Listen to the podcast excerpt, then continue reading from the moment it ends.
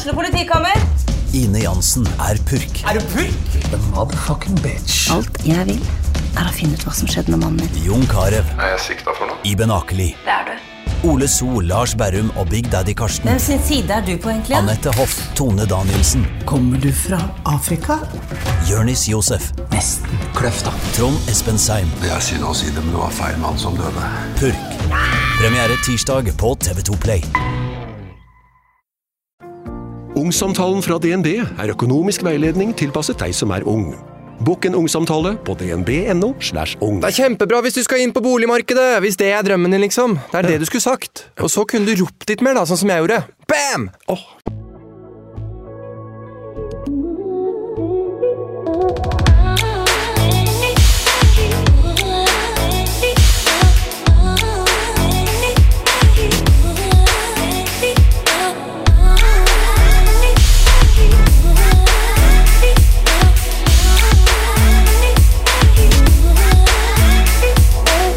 Nå så er jeg på vei for å treffe Lykke Sofie i studio, og vi skal snakke om kvinnehelse.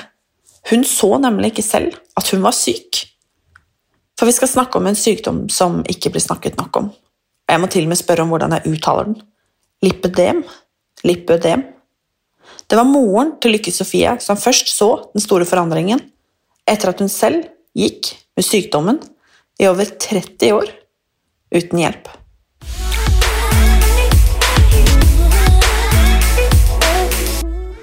Hei og velkommen, Lykke Sofie. Hei, så kjekt å være her. Veldig hyggelig å ha deg i studio. Jeg har gleda meg skikkelig til i dag. Både fordi at jeg tror at uh, jeg kommer til å lære en hel del, og fordi at det er skikkelig hyggelig å møte deg, men også fordi at uh, vi skal snakke om noe som er veldig viktig. Ja, det skal vi. For uh, jeg måtte til og med spørre deg om jeg sa det riktig, Mm, og det sier jo kanskje litt. det gjør det. om liksom hvor det står på kartet, eller hvordan man sier. Mm. Um, og jeg fortalte deg jo det at når jeg snakka om endometriose for første gang, jeg tror at det var i 2017, så visste jeg egentlig ingen, følte jeg, hva det var. Jeg visste jo ikke hva det var selv heller. Nei, jeg hadde aldri hørt om det før sånn i fjor, nesten. Eller, Ja, men det var jo sånn. Uh, og jeg husker jeg googla det, um, fordi det var faktisk en, en følger på bloggen av alle ting som skrev eh, Men Martine, har du undersøkt om du har endometriose? Mm. Og jeg googla det, og bare Og da var jeg i en prosess hos gynekologen og var mye dårlig og, og diverse. Googla det og bare Oi, dette er jo liksom check, check, check på, Ja, på denne lista, liksom. Mm. Og uh, var jo da i oppfølging hos gynekologen og fant jo videre ut at det var det var. Det det var. Mm. Uh, men da var det jo ingen som snakka om det, og det var liksom jeg, jeg, jeg klarer egentlig ikke fortsatt å forklare hva det er. Og lipød, lipødem, Lipødem, ja. som vi skal snakke om i dag, Ja. det er kanskje ikke nyere i fenomen, men nyere og mer Hva skal man si? Noe folk kanskje verken har hørt om eller vet Mm. så mye om. Ja. Men som gjelder dessverre veldig mange kvinner. Mm. Absolutt. Få høre. Hvor, eh, hvor begynner egentlig din historie? Når var første gang du følte at her er det et eller annet som ikke stemmer? Ja, eh, min historie begynner for tre år siden, eller noe sånt. 2019. Er det tre år siden? Ja, jeg tror det. Jeg tror det. De siste årene er bare sånn stor blur. um, ja, det begynner i 2019, uh, hvor jeg innser at jeg har gått opp ganske mye vekt på veldig kort tid, men bare i lårene. Og så kan jeg vel egentlig på en måte si at historien begynner egentlig mye før det, fordi mamma ble diagnostisert med lipødem, jeg tror det var rundt 2016. Litt usikker, kan hende jeg tar litt feil, men hun ble i hvert fall diagnostisert før meg, så hun visste veldig godt hva tegn man skulle se etter. Så det var hun som på en måte la merke til det først, da, på meg. Og så siden jeg hadde sett mamma gå gjennom det samme, så visste jeg òg litt sånn hva jeg skulle se etter. Um, så jeg begynte vel å legge merke til det i sånn desember 2019. Mm. Hva var det som endra seg da? Det var jo eh, som sagt litt sånn vektoppgang, men sånn kun i lårene. Det var liksom ingen andre steder hvor jeg gikk opp i vekt. Jeg merka at jeg hadde en jakke som jeg hadde kjøpt som var veldig løs rundt hoftene, og så ble den bare strammere og strammere. Og jeg begynte å få litt sånn leddsmerter i knærne, at beina begynte å bli ganske sånn tunge. Um, og så fikk jeg veldig mye blåmerker. Så begynte jeg liksom å se at beina mine begynner å se ut som de er liksom feil i forhold til resten av kroppen min. Proporsjonene stemmer ikke helt. Um, så det var egentlig sånn, sånn det begynte. Og så, um, siden det tok så utrolig lang tid for mamma å få hjelp Hun gikk med dette i nesten 30 år, som er helt sykt, uten at uh, hun visste hva det var, eller hun fikk hjelp. Så um, mamma tok liksom raskt grep, og så fikk meg satt i gang da, med, med, prosessen med å finne ut av hva skal man gjøre med dette, og er det lipødem. Mm. Mm. Hva er det som kan gjøres, og hva har du gjort? Det som kan gjøres, er um, operasjon. Og det er jo da det som per nå de ser liksom det som er mest effektivt for å, om ikke få vekk alt for alltid. Um, for det vet de ikke helt ennå, så vidt jeg vet, i hvert fall. Men det er det eneste som gjør at fettcellene, disse syke fettcellene som lipidem er, at de tas bort, da. Man kan ikke trene de bort eller spise de bort. Um, man må rett og slett operere de bort. Men man kan òg um, gå til fysioterapeut og få behandling der, sånn her lymfedrenasje. Gå med kompresjonsstrømpebukser for å liksom holde det litt under kontroll. Uh, for man blir veldig sånn um, hoven og vond, så kompresjonen kan òg hjelpe med å liksom begrense smerten, da. Men det eneste som faktisk fjerner fettet, er operasjon. Og operasjon er veldig, veldig dyrt. Er det det? Det er kjempedyrt, og vi har et ganske dårlig offentlig system da, for operasjon for lipidem, um, som gjør at det er eh, Det er ikke bare liksom hvem som helst som kan opereres. Og det er det jeg syns er aller, aller mest synd, fordi det er et så stort problem, og så koster det ja, 70 000-100 000, kanskje mer, Du tuller. operere. Nei. Så, og det som òg er med lipidem, er at grunnen til at veldig mange ikke vet at de har det, er at det forveksles med overvekt. Um, for man blir bare større og større, og ingenting fungerer, og kanskje man òg blir litt overvektig på grunn av det, fordi at man, man gir opp og er sånn mm, Ingenting funker. Jeg uh, går ikke ned i vekt hvis jeg spiser sunnere eller trener. Um, så veldig mange får beskjed om at de er overvektige, og at det ikke er noe å gjøre med det. Uh, derfor er det så viktig å snakke om det og vise at sånn, det er ikke sikkert at, at det bare er det, men at du faktisk ser sånn ut på grunn av en sykdom, da. Men er det ikke anerkjent, da, eller? Siden det ikke er dekt? Jeg fikk helt sjokk, jeg nå. Ja, um, jeg er faktisk litt usikker. Jeg, jeg tror det er anerkjent, men uh, problemet med, uh, med lipidem er òg at det, det er noen steder det er dekt. Ehm, jeg er ikke så Nei, flink på de Det detaljene. skal sies at du er jo ikke fagperson heller. Ja, ja, jeg er bare en person som har, har lipidem. Og så um, jeg, kan jo, jeg kan jo si det at jeg var veldig heldig uh, når jeg ble operert, at jeg hadde en forsikring på det tidspunktet som dekka for lipidem. Mm. Fordi mamma meldte meg inn i den forsikringen med en gang hun hadde lipidem, for hun tenkte at det kan hende at uh, Lykke får lipidem, fordi det er en arvelig sykdom. Ehm, men rett etter jeg ble operert, så tok de vekk lipødem fra sitt tilbud. Mm. Og dette er bare min teori, men, men det kan tenkes at det er litt fordi man fant ut hvor mange som trengte å bli operert for dette, og hvor dyre operasjonene er.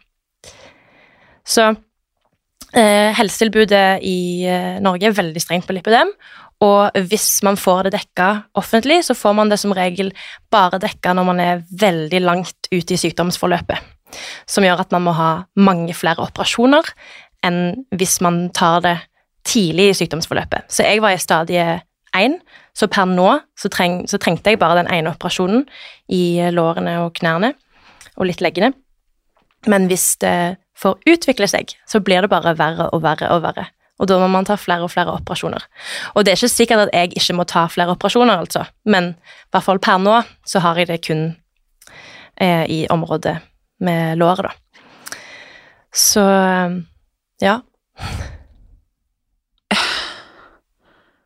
Jeg had, Hadde du i det hele tatt Det er litt sånn håpløst, nesten, Ja. og jeg vil ikke at det skal være det.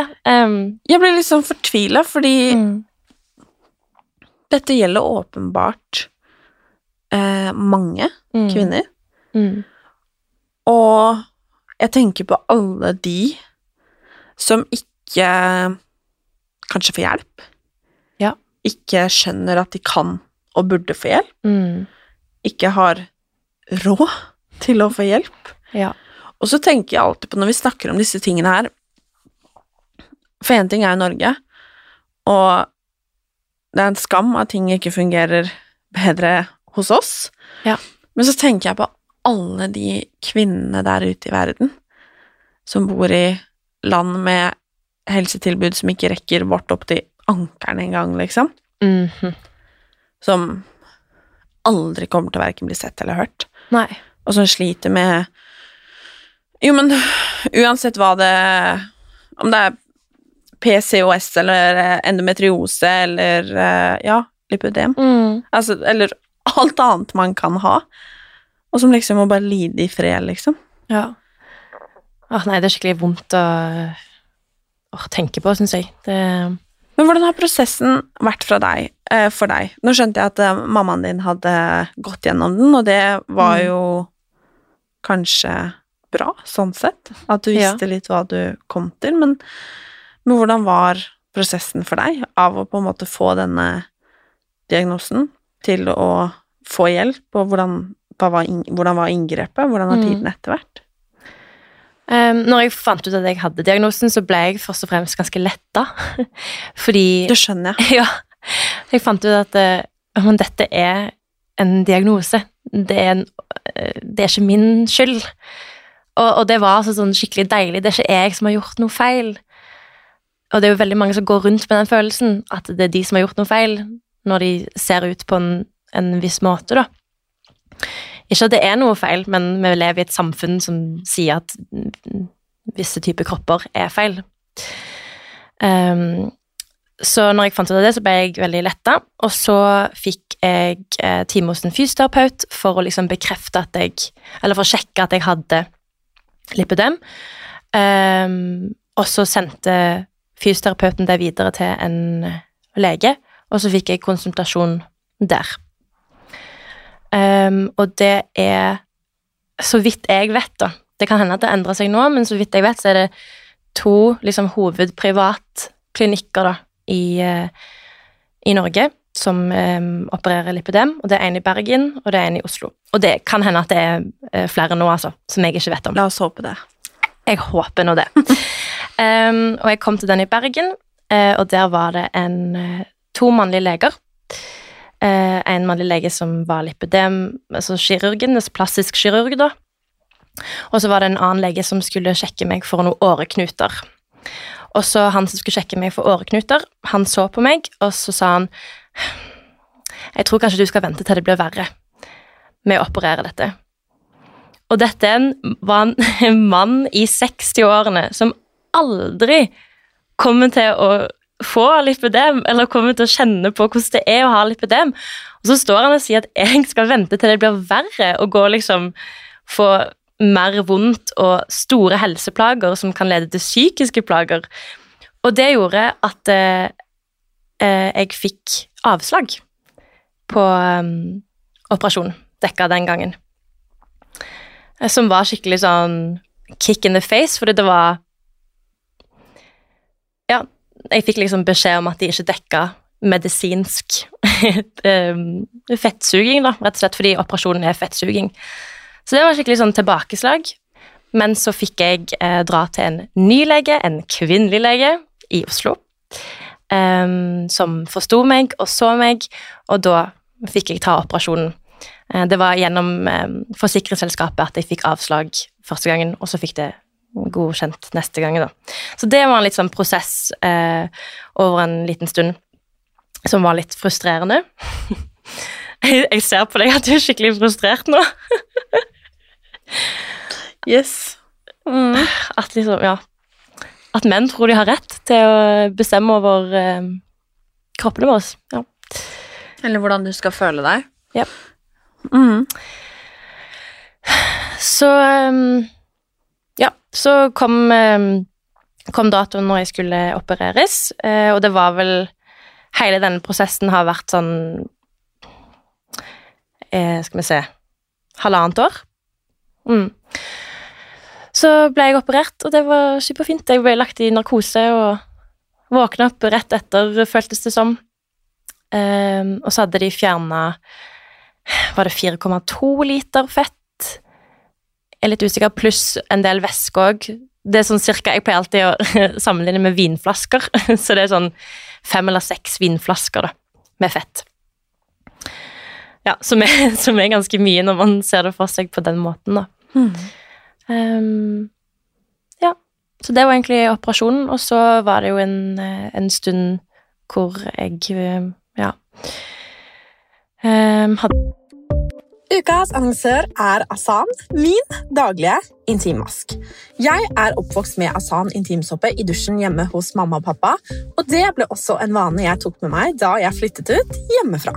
Med andre ord så har Asan fulgt meg så lenge jeg kan huske. Gjennom ulike faser, perioder, oppturer og nedturer. Og vet du hva? Nå har Asan blitt nyere og bedre. Med et oppdatert utseende, ny logo og bedre formulering som er ekstra mykgjørende. Den inneholder naturlig melkesyre for å bidra til å opprettholde den naturlige pH-balansen i intimområdet vårt. For visste du at sterkt parfymerte såper kan forstyrre pH-balansen i underlivet? Intimsåpene fra Asan har en kremet konsistens som gir en behagelig følelse etter vask, og de har intimprodukter for å passe alle og enhver for at du skal kunne ta vare på balansen. Det er ganske mye smerter etter operasjonen. Um, og måtte gå med kompresjonsstrømpebukser i et halvt år hele tiden. Og nå er jeg ehm, over et, Det er over et år siden jeg har operert nå. Og jeg skal på min første oppfølgingstime på fredag. Så det er jeg eh, spent på. Bare for å se hvordan ting har gått, egentlig. Og ja. Så det gleder jeg meg til. Hvordan har dette påvirka selvfølelsen din? Ganske Det har påvirka selvfølelsen Jeg bare tar det igjen, jeg. Gjør det du? Selvfølelsen? Ja. Det har påvirka selvfølelsen min ganske mye. Um, og egentlig sånn Det er litt vanskelig å svare på på en måte hvorfor, for jeg føler det ganske sånn opplagt, for jeg ble sett og hørt, og at det var en løsning på problemet mitt. Um, det gjorde vel egentlig at jeg følte meg mye bedre, og jeg føler meg mye bedre i klær nå um, enn det jeg gjorde før. Og det hjelper jo en del på, på selvfølelsen, i hvert fall for, for min del. Um, så jeg vil si at det har vært liksom en veldig positiv ting, da, og, og det med helsa, liksom. At det, det er jo det som egentlig er det viktigste her, er jo at eh, jeg er sunn og frisk. Um, men det har jo selvfølgelig hjulpet på selvfølelsen at jeg har følt meg mer komfortabel i kroppen min. Mm. Du sa at du måtte gå med kompresjonsstrømper et halvt år. Ja. Eller strømpebukser. Ja. Hvordan var det sånn i eh, Nå vet jeg ikke, var det et år siden? Ja. Det var Så du har kanskje på en måte truffet godt med årstiden, sånn sett, kanskje? Ja. Det var egentlig Det var litt bevisst, faktisk. Ja, det skjønner jeg. Det skjønner jeg. Så um, Nei, men det er ganske brutalt, altså. Å gå med sånne kompresjonsstrømpebukser. Har du følt deg liksom syk, altså sånn på grunn av at det har vært, vært en sånn type uh, ettervirkning, om man kan si det sånn, da? Eh, At du liksom har følt at du har vært Er kanskje første mål nå, hvis du skjønner hva jeg mener? Mm. Um, jeg følte meg jo veldig altså, Jeg kunne jo ikke trene på en god stund etterpå. Uh, jeg hadde masse smerter i beina, så jeg følte jo at jeg liksom ikke kunne gjøre de tingene som jeg kunne gjøre før, men det var jo selvfølgelig um, bare midlertidig, da.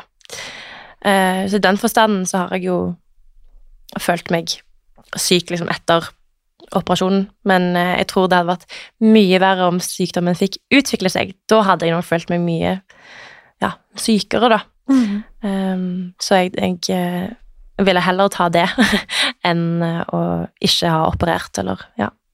Men du er jo født i 1996, Mm. og den kom for ca. tre år siden. Eh, kom det sånn plutselig? Ja, det kom liksom utover um, Det kom liksom på et halvt år, cirka, Mm. vil jeg si. Ja, så det gikk ganske fort. Um, lipødem er jo noe man er født med, men det utvikler seg ikke før liksom hormonforandringer vanligvis. Så pubertet, graviditet, for eksempel. Um, så det kan bare sånn komme litt sånn plutselig. Mm. Du har jo valgt å dele dette her på annet TikTok. Ja. Åpent og ærlig. Mm. Eh, til min store fryd, holdt jeg på å si. eh, hvorfor valgte du å dele om noe som på veldig mange måter er eh, ganske tabubelagt, og Mm. noe folk ikke snakker om? Hvorfor var det så viktig for deg å dele? Fordi jeg skjønte veldig fort at det handla om så mye mer enn meg sjøl. Skjønte at eh, andre sikkert kom til å enten relatere det, altså relatere seg til det, at de enten hadde det sjøl, eller realisere, altså innse at de hadde det. Um, for en sånn type diagnose er òg veldig, veldig sårbar. Så det er fryktelig vanskelig å Vi snakka litt om det, og gå bort til noen og si sånn Hei, jeg tror kanskje du har denne sykdommen. Sant? Så da så jeg det å snakke om det på TikTok var liksom en fin måte for folk til å kanskje innse sånn Å, sånn ser jeg òg ut. Kanskje jeg burde sjekke ut dette. Eh, Så det var vel egentlig derfor, fordi at jeg innså at det, det er så veldig mange andre som òg er ramma av dette, da.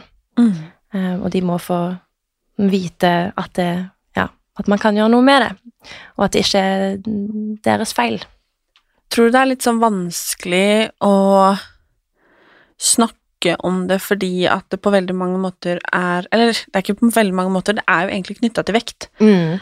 Og vektoppgang og fedme er jo fy-fy i Ja. dagens eh, Mm. samfunn, og noe som er veldig skam, skamfullt, egentlig. Mm. Og knytta til Eller veldig mange knytter det til liksom viljestyrke, og at man liksom ikke ja, men er sterk nok eller god nok, eller eh, fordi at man går opp i vekt.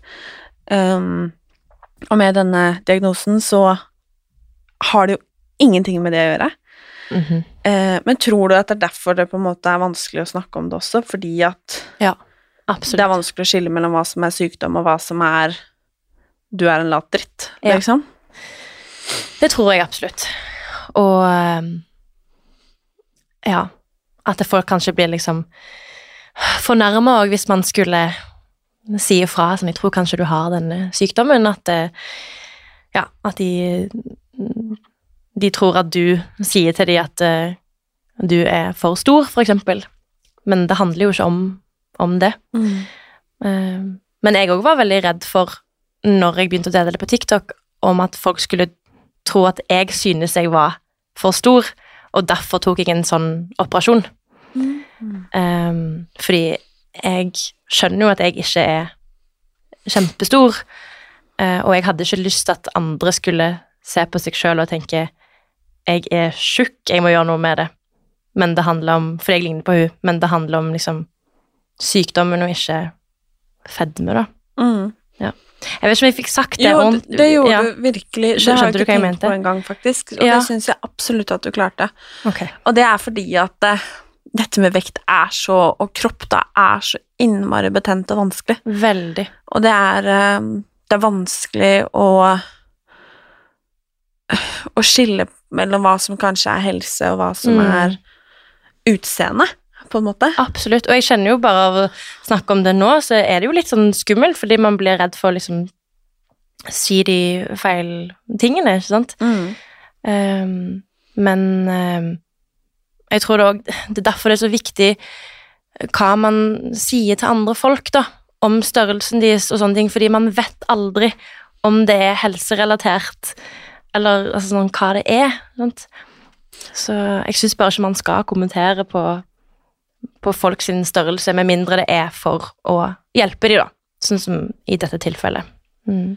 Ja, og til syvende og sist så er det jo helsepersonell, tenker jeg, Ja. som eh, burde ha den oppgaven, ikke folk i kommentarfelt på TikTok, eksempel. Absolutt. Men hvordan har tilbakemeldingene vært på at du har delt dette her? Det har vært veldig positivt. Um, jeg har fått masse tilbakemeldinger på at folk har um, funnet ut at de har lipødem, eller at noen de er glad i, har lipødem, um, eller bare at de har lært mer om sykdommen, og at liksom ordet spres, eh, som jeg tror er veldig, veldig viktig. Eh, så det har egentlig vært eh, veldig positivt.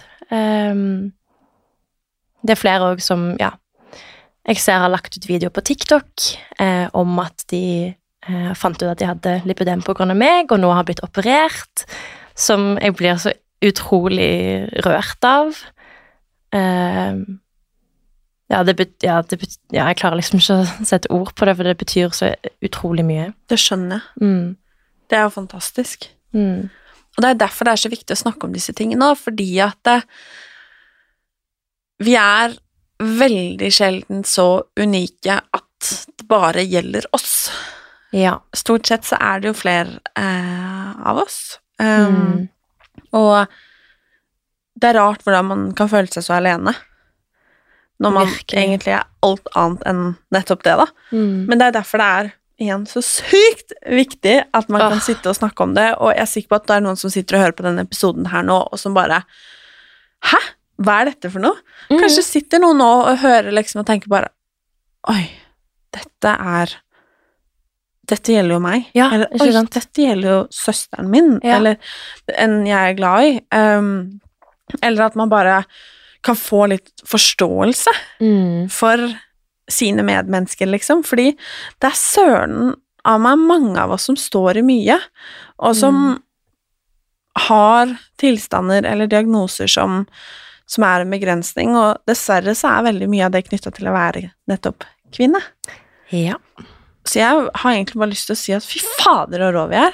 Åh, vi er så rå. Altså, shout out, sier bare jeg. til enhver rå dame der ute, fordi det er Det er eh, ekstremt mye knytta til å ha en syklus, å være dame, og ha Mm. eh, hormoner. Åh. Åh, ja, jeg ble, jeg ble sånn, sånn irritert. Men eh, jeg tenker jo at vi må jo bare måte, gjøre det beste ut av det. Eh, og jeg tror en måte å gjøre det på er å snakke med hverandre om det. Ufarliggjøre, tror jeg også er veldig, Mm, ja, veldig viktig. Veldig viktig. Mm. Og kanskje putte skammen i en skuff og låse igjen, for det er ingenting å skamme seg over. Mm -mm. Det er eh, Selv om jeg har full forståelse for at mange kanskje gjør det. Um, og så tror jeg, og det er liksom måte jeg har fått meg nå, å være litt mer grei mot meg selv. Mm. Um, for at jeg har ofte Jeg er veldig syklusstyrt, om man sier det sånn. Ja. Um, og prøve å være litt grei med oss selv. Mm. I stedet for å være så harde mot oss selv og um, straffe oss selv litt. Ja, ja, ja. Jeg òg er veldig sånn syklusstyrt, men det syke det har ikke jeg lært før sånn et halvt år siden. Ikke jeg heller. Jeg har egentlig lært det. Jeg er jo egenlært. Ja, jeg òg. Og sånn burde det jo ikke være. Nei. Det er liksom, og ja, det er masse med min syklus og min kropp som jeg ennå ikke har lært heller, som jeg ikke Mhm. liksom på en måte har funnet ut av ennå. Og det er som du sier med moren din, liksom, som ja, levde med det i 30 år, liksom. Mm. Uten at det var noen som på hennes vei liksom bare Ok. Du har sikkert ikke hørt om det på radioen eller nyhetene eller lest det en eneste gang, liksom. Nei. Ingenting. Så um, Det er bra at vi får snakke om det nå, i hvert fall. Jeg er enig. Selv om det skulle jo blitt snakk om for lenge, lenge, lenge siden. Men uh, vi snakker om det nå, så det, det er viktig. Jeg er så enig. Mm. Men hvis det sitter noen og, og lurer på om de kanskje har det, Mm. hva gjør man da? Da tar man kontakt med fastlegen sin, um, og så uh, kan man dra til en fysioterapeut. Og det er fysioterapeuter som er spesialister på lipødem. På, det kan hende jeg sier nettsiden feil nå, men jeg tror det er NLLF, Norsk lipødem- og lymfødemforbund. Da har de en liste med alle fysioterapeuter som er spesialister på lipødem. Start der. Det er vel egentlig det beste tipset jeg har. Og så blir, så blir man forhåpentligvis Eller hvis man da Hvis det ser ut som man har lipidem, så blir man videreført til en eh, lege. Um, men det som er greit å vite, er jo at de aller fleste eh, stedene man kan bli operert, er privat, eh, og det koster ganske mye penger. Det koster rundt alt fra 50 til 200 000, kommer litt an på hvor mange operasjoner man må ha. Um, per nå vet jeg ikke om noen forsikringsselskap som dekker det, men jeg håper virkelig at um, det blir dekka av noen snart, fordi det trenger det å bli. Jeg er så enig. Og så det er egentlig litt sånn synd. Jeg, får alltid litt sånn klump i magen hver gang noen spør meg hva kan jeg gjøre, fordi mm, jeg har liksom ikke det beste svaret, ettersom det ikke er et godt offentlig tilbud, og du mest sannsynlig må betale masse, masse penger som de aller fleste av oss ikke har. Um, så, så det er skikkelig synd, og det må gjøres noe med. Det må bli bedre. Um, så jeg håper at det blir det snart. Mm. What she said. Ja. Tusen takk for at du hadde lyst til å komme og prate med meg, og du, takk for at jeg vil komme. educate oss, Mm. og uh, sette dette på Skal vi si på blokka? Ja, Dagsorden, er det det? Dagsorden. Og jeg håper at eh, noen der ute, om det er et forsikringsselskap eller Ja. en eh, politiker eller hva det nå er, Mm. um, har lyst til å gjøre noe med dette her, for det er søren meg på tide. Helt enig. Tusen Kunne ikke sagt det bedre.